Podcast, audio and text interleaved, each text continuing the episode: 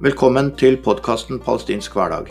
Podkasten som gir deg aktuell informasjon om det som skjer i Palestina, både når det gjelder analyser av den aktuelle situasjonen og det som skjer i den palestinske hverdagen. Mitt navn er Arne Birger Heli.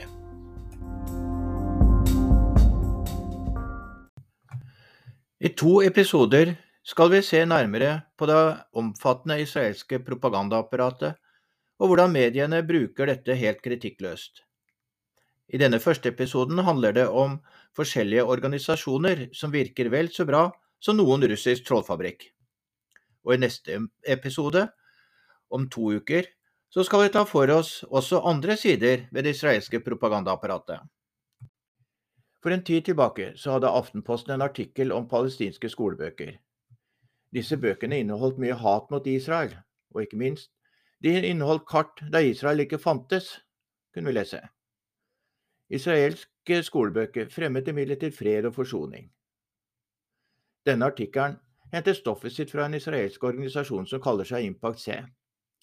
Organisasjonen definerer sitt hovedformål som Impact C, Institute for Monitoring Peace and Cultural Tolerance in School Education.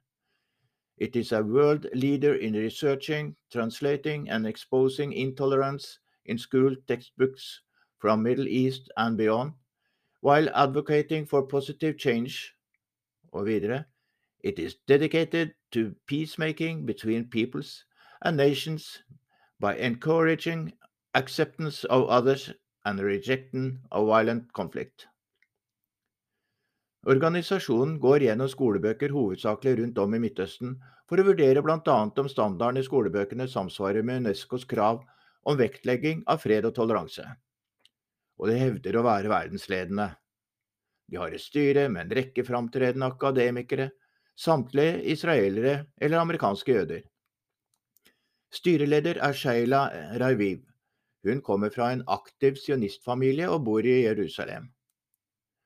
Av de åtte i styret er også flere aktive i diverse organisasjoner tett knytta til staten Israel. Så la oss se litt nærmere på hva de skriver. I en nylig rapport der de har gått gjennom 222 palestinske skolebøker, hevder de at halvparten av dem fremmer hat, antisemittisme, fremmer vold og forherliger hellig krig og martyrdom.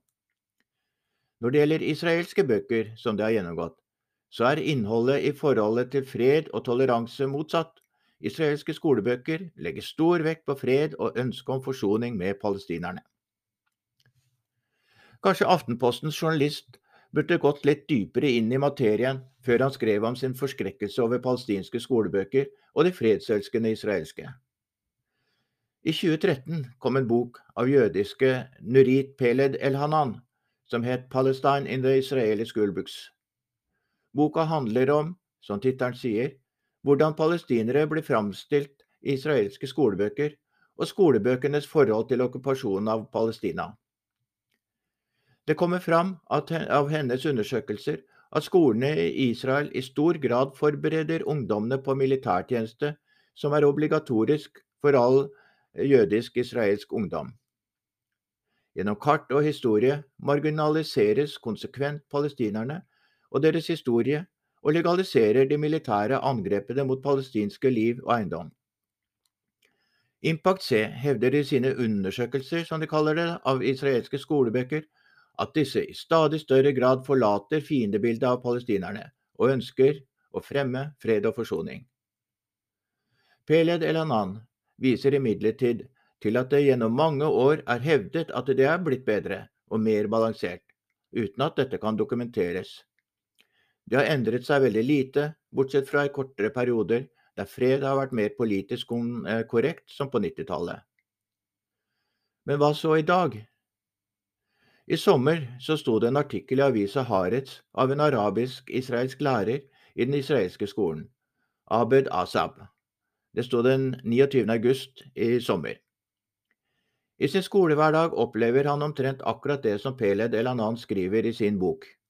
Det handler særlig om militariseringa som skjer i skoleverket. Stoff om det israelske militæret er viktig, og besøk av militæret er vanlig som en del av undervisninga når det gjelder å forberede elevene på militærtjeneste. I én skole han arbeidet ved, han hadde nesten 40 år bak seg i skoleverket, var arven etter de forskjellige kampene noe av den viktigste undervisninga, sammen med undervisning i sionismen. Å være arabisk, eh, arabisk israeler i det israelske skoleverket, det byr på mange utfordringer. Særlig er det vanskelig fordi så mye handler nettopp om forholdet mellom israelere og palestinere, med f.eks.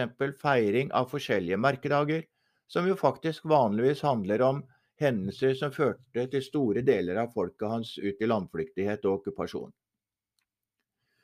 Her kan jo legges til et sitat fra et brev som det israelske utdanningsdepartementet sendte ut til alle skoler, datert den 29.11.2014.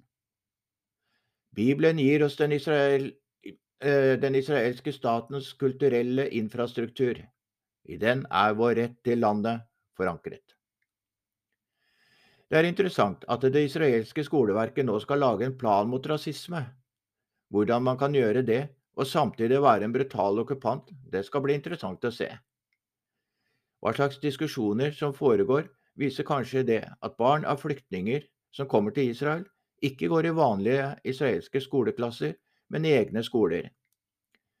Det er reist forslag om integrering her, men som skolemyndighetene har hevdet, dette kan ødelegge jødiske familiers kulturelle røtter. Det sier vel egentlig mye om den norske journalistikken at Aftenpostens journalist tydeligvis ikke tenkte en tanke på at han ukritisk brukte stoff fra en organisasjon tilknyttet en okkupantmakt som skulle beskrive sine egne skolebøker i forhold til skolebøkene organisasjonen øh, beskrev som de okkuperte. Bare med denne tanken burde det ha ringt noen alarmklokker. Ja, hva så med disse kartene i Palestina? Ikke for å skremme noen, da. Men de kartene han skriver om, henger på veggene i palestinske hjem over hele det historiske Palestina, og ikke minst i flyktningleirene rundt om i Midtøsten. De viser Palestina fram til da staten Israel ble etablert på palestinsk territorium. På disse kartene kan foreldre og besteforeldre sette en finger og si fra denne landsbyen kommer din historie, men landsbyen eksisterer ikke nå lenger. Som vi har sett i tidligere kapitler og episoder, er det viktig for staten Israel å viske ut den palestinske historia. Derfor har de organisasjoner som Impact C, og det lykkes hver gang en journalist som den i Aftenposten ukritisk gjengir dem. Her kan jo legges til at det israelske kart, også de offisielle, der er Palestina borte. Der resten av verden finner Vestbredden Palestina, finnes i israelske kart kun Judea og Samaria. Vi kan ta en liten avslutningsreplikk når det gjelder Aftenposten og okkupasjonen av Palestina. 24.11. i 2021 hadde Aftenposten en artikkel om regjeringssituasjonen i Israel. I en såkalt faktaboks ved siden av artikkelen kunne vi lese Israel grenser også til Vestbredden og Gazastripen, som delvis administreres av den palestinske selvstyremyndigheten, og delvis fremdeles okkuperes av Israel. Det er selvsagt umulig å vite hvorfor en journalist skriver slik. Journalisten kan jo være Israel-venn som ønsker å underkommunisere en brutal okkupasjon.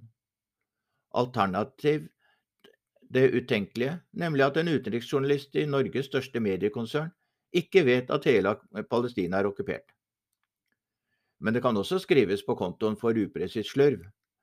Slikt er dessverre ikke uvanlig i norske medier når det gjelder dekning av Israels okkupasjon av Palestina. Vi leser stadig om trollfabrikker i Russland, Iran og Kina og andre land vi ikke liker. Disse prøver å destabilisere vestlige samfunn ved å spre falske nyheter, særlig på en slik måte at vi ikke engang skjønner at de er falske. Det er godt mulig. Men dette er selvsagt gjensidig, ikke minst i Vesten, så har de kommet langt i overvåking av sine innbyggere. Men nasjonene overvåker til og med sine egne venners ledere. Og Israel ligger langt framme, og i sommer kunne vi lese om firmaet Pegasus NSO Group, som leverer veldig avansert overvåkningsutstyr til en rekke land og firmaer, også land som driver omfattende overvåking og undertrykking av egne innbyggere. Israelske firmaer eller landet selv har aldri hatt skrupler i forhold til hvem de samarbeider med. Når det gjelder internasjonalt påvirkningsarbeid, er organisasjonen som vi nettopp ble kjent med, typisk. Det finnes en rekke slike organisasjoner som har som oppgave å drive internasjonalt påvirkningsarbeid for å støtte israelsk politikk, og ikke minst legalisere den israelske okkupasjonen. Og som Impact C. De framstiller seg som objektive og forskningsbaserte, gjerne med et styre bestående av fremtredende akademikere og andre med angivelig høy legitimitet. Altså en type organisasjoner vi i Vesten er fortrolige med, og som inngir tillit. La oss bli kjent med noen til. En organisasjon som det av og til henvises til i norske medier, er Memri. Den er USA-basert, men ledes av amerikanske jøder eller israelere. Memri ble grunnlagt i 1998 av Jøgel Karmon Karmon ble født i 1946 i Romania, og i 1950 utvandret familien til Israel. 18 år gammel gikk han inn i militæret. Han ble etter hvert etterretningsoffiser og avanserte til oberst i det israelske militæret fram til han forlot hæren i 1988 for å bli sikkerhetsoffiser for statsministrene Rabin og Shamir. Han dro senere til USA, der han så grunnla Memri sammen med den israelsk-amerikanske neokonservative Meiner Wurmser. Memri står for Middle East Media Research Institute. Også her ser vi akademiske begreper går igjen. Memri hevder at deres målsetting er å bygge bro over det språklige gapet mellom Midtøsten og Vesten, samt opplyse verden utenfor om informasjon som ellers ville blitt ukjent. Mye av det de publiseres, hentes fra forskjellige kilder i Midtøsten, og nyhetsstoff fra Memri brukes i store aviser som New York Times, mens deres kommentarer stort sett finnes i reaksjonære medier som Fox News. Det er reist mye kritikk mot Memri sine framstillinger av det som skjer i Midtøsten. For det første er det viktig å ha med at de som står bak Memri, er sterkt pro-israelske, og noen, som Karmon, har lang fartstid i det israelske militæret. Organisasjonen beskyldes for å være veldig selektiv når de formidler nyheter, og framhever ofte de mest ekstreme stemmene, stemmer som kanskje har liten innflytelse i det daglige og politiske livet i Midtøsten, og toner ned mer moderate stemmer. På denne måten kan man skjerpe motsetninger som grunnlag for igjen å legge grunnlag som f.eks. militære aksjoner. Men de mest alvorlige beskyldningene er at de manipulerer intervjuer på en klipp og lim-måte som gir et helt feilaktig inntrykk av hva intervjuobjektet, foredragsholderen eller hvem det kan være, faktisk har ment.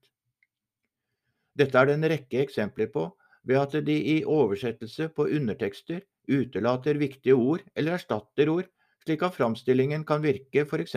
mye mer ekstrem eller noen ganger motsatt av det som egentlig ble sagt. Norman Finkelstein opplevde dette etter at han hadde vært med i et TV-program i Libanon. Etter programmet, som handlet om Finkelstein sin bok The Holocaust Industry, framstilte Mebri ham som en holocaust-fornekter, noe som selvsagt er langt fra sannheten. Finkelstein mistet faktisk begge foreldrene sine i Auschwitz. På hjemmesiden deres ligger det nå en filmsnutt som er tatt fra en palestinsk tegnefilm som snart skal lanseres. Den handler angivelig om palestinsk terror. Og den er faktisk veldig voldelig. For der er det, er det store, kraftige palestinske soldater som er i fullt kamputstyr, og som stadig angriper og dreper israelere. Men det Memri promoterer her, er kanskje noe kontraindisert. For alle israelere som drepes, er nemlig soldater. Og det er jo interessant, at de disse palestinske soldatene i tilfelle slåss mot, er en okkupasjonsmakt, og det er fravær av sivile som drepes i denne tegnefilmen. Altså har palestinerne tydeligvis laget en film som beskriver en heltemodig kamp mot en okkupasjonsmakt som skjer innenfor folkeretten. Men altså fra Memri sitt perspektiv er selvsagt kamp mot okkupasjon å anse som terror, dette kjente begrepet. En tilsvarende organisasjon som Memri er Palestinian Media Watch. Palestinian Media Watch ble etablert i 1996, og også de kaller seg for en forskningsinstitusjon. Om seg selv skriver de at de er kjent for sin grundige forskning om det palestinske samfunn innenfor en rekke områder. PMV sine funn søkes av regjeringer, folkevalgte og medier fra hele verden. Det er særlig organisasjonsdirektør Itamar Markus og organisasjonsjurist Maurice Hish som reiser verden rundt for å informere om det som konsekvent handler om de palestinske eh, myndighetenes glorifisering av terror. Har, som så mange andre i disse organisasjonene, en bakgrunn fra det israelske militæret. I disse kretser er dette et kvalitetsstempel for grundig og korrekt informasjon. De legger fram en rekke såkalte dokumentasjoner på hvordan palestinere forherliger terror og fremmer antisemittisme, mens israelske overgrep og brudd på humanitærretten selvsagt er totalt fraværende. Israelske myndigheter opplyste for en tid tilbake at de nå har sluttet å overvåke antisemittisk virksomhet, ettersom Memri og PMV gjør en så grundig jobb. La oss ta en annen organisasjon som også er kjent her hjemme, nemlig NGO Monitor, Non-Governmental Organization Monitor. Og som med de andre organisasjonene, NGOM er et globalt anerkjent forskningsinstitutt for å fremme demokratiske verdier som det heter i deres presentasjon. Vi arbeider for å sikre at beslutningstakere og sivilsamfunnet opererer i samsvar med prinsipper om ansvarlighet, gjennomsiktighet og universelle menneskerettigheter. Vi formidler faktabasert forskning og uavhengige analyser av NGO-er, altså Non-Governmental Organizations. NGOM ble etablert i Jerusalem i 2001 som en halvstatlig organisasjon men ble en selvstendig organisasjon i 2007 med professor Gerald Steinberg som direktør, og noe han fortsatt er. Organisasjonen har i skrivende stund tolv ansatte, alle med en eller annen universitetsgrad. Det som er NGOMs hovedformål, er å undersøke organisasjoner som på en eller annen måte er tilknyttet palestinsk virksomhet, enten gjennom politisk eller økonomisk støtte eller at organisasjonen utøver kritikk av israelsk politikk på en eller annen måte. De utgir, som de andre organisasjonene vi har omtalt, stadig rapporter, og ofte handler rapportene om materiale fra FN og Human Rights Watch, som er kritiske til israelsk politikk, og som det brukes til dels store ressurser på å vise hvor feilaktig det er. Det siste nå er naturligvis Amnesty International sin rapport om apartheid i Israel. Og her får Amnesty passet sitt påskrevet. Every aspect of the Amnesty International version of the apartheid campaign reflects its political agenda of exploiting tragedy to delegitimize Jewish sovereign equality and self-determination. Essentially, Amnesty demands the elimination of the Jewish state and justifies doing so by perverting international law, misrepresenting Israeli laws and practices, and presenting an apologetic view of the murder of Israelis by Palestinian terrorists. In other words, exactly what you would expect from an organization that thrives on a culture of anti Israel delegitimation and demonization and has been married by antisemitic incidents. Men det mest imponerende er deres utrolig lange liste over alle organisasjoner rundt om i verden som på en eller annen måte støtter palestinsk terror. Det er for omfattende å gå gjennom alle de over 200, men vi kan nevne noen. Svært mange kristne organisasjoner står på lista, som Svenska kyrkan og Kirkenes verdensråd, og kristne hjelpeorganisasjoner som Caritas og Kirkens Nødhjelp. Selvsagt er det mange hjelpeorganisasjoner som Danida og Norsk Folkehjelp, i tillegg til nær sagt alle internasjonale menneskerettighetsorganisasjoner. Felles anklagepunkter er at organisasjonene på en eller annen måte utøver kritikk av Israel og kommer med alvorlige påstander om at mange av organisasjonene fremmer terror og har en eller annen forbindelse med terrororganisasjoner. Vi kan ta Kirkens Nødhjelp som et eksempel. Det er en omfattende undersøkelse av Kirken Nødhjelp sitt arbeid. De kritiseres bl.a. for å støtte Kairos-dokumentet, et internasjonalt religiøst dokument som krever en rettferdig løsning for Palestina og for Israel. De anklages for å støtte boikottarbeidet av Israel, noe som de jo faktisk gjør. Videre er det listet opp en rekke andre forhold der Kirkens Nødhjelp kritiserer Israels brudd på menneskerettighetene og folkeretten. Svært mye av kritikken mot organisasjonene handler rett og slett om at disse organisasjonene krever at Israel respekterer humanitærretten. Så det er ikke å undres over at NGOM er en usedvanlig omdiskutert organisasjon, hvis virksomhet ligger milevis unna de stolte ordene i selvrepresentasjonen. La oss se på noen felles trekk ved disse organisasjonene som er omtalt. For det første så utgir de seg for å være forskningsinstitusjoner, og de hevder å formidle kunnskap, og de hevder å være nøytrale, og de hevder å beskytte verdier som forsvar av humanitærretten. De er imidlertid ikke forskningsinstitusjoner, men de er politiske organisasjoner, hvis fremste mål er å forsvare staten Israel sine mange brudd på folkeretten og menneskerettighetene. På denne måten gjør de det motsatt av det de hevder.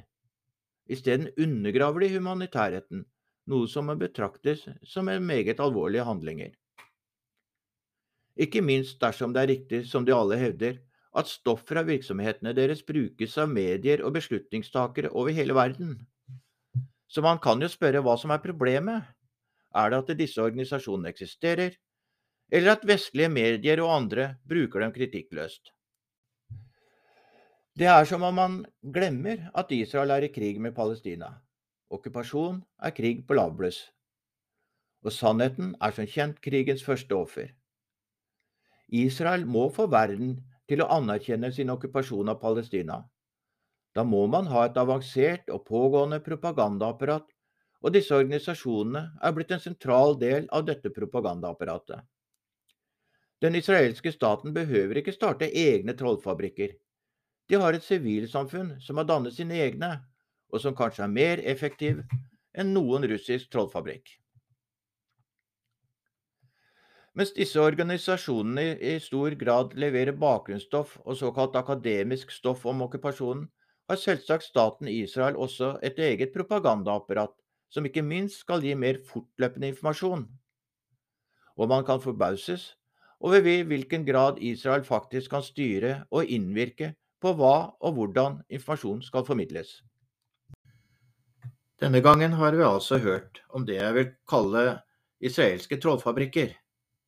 Neste gang skal vi høre om Google sin karttjeneste, og hvordan kampen mot BDS føres, og hva slags svar du får fra den israelske ambassaden i Oslo hvis du reiser en tur til Palestina. Vi høres!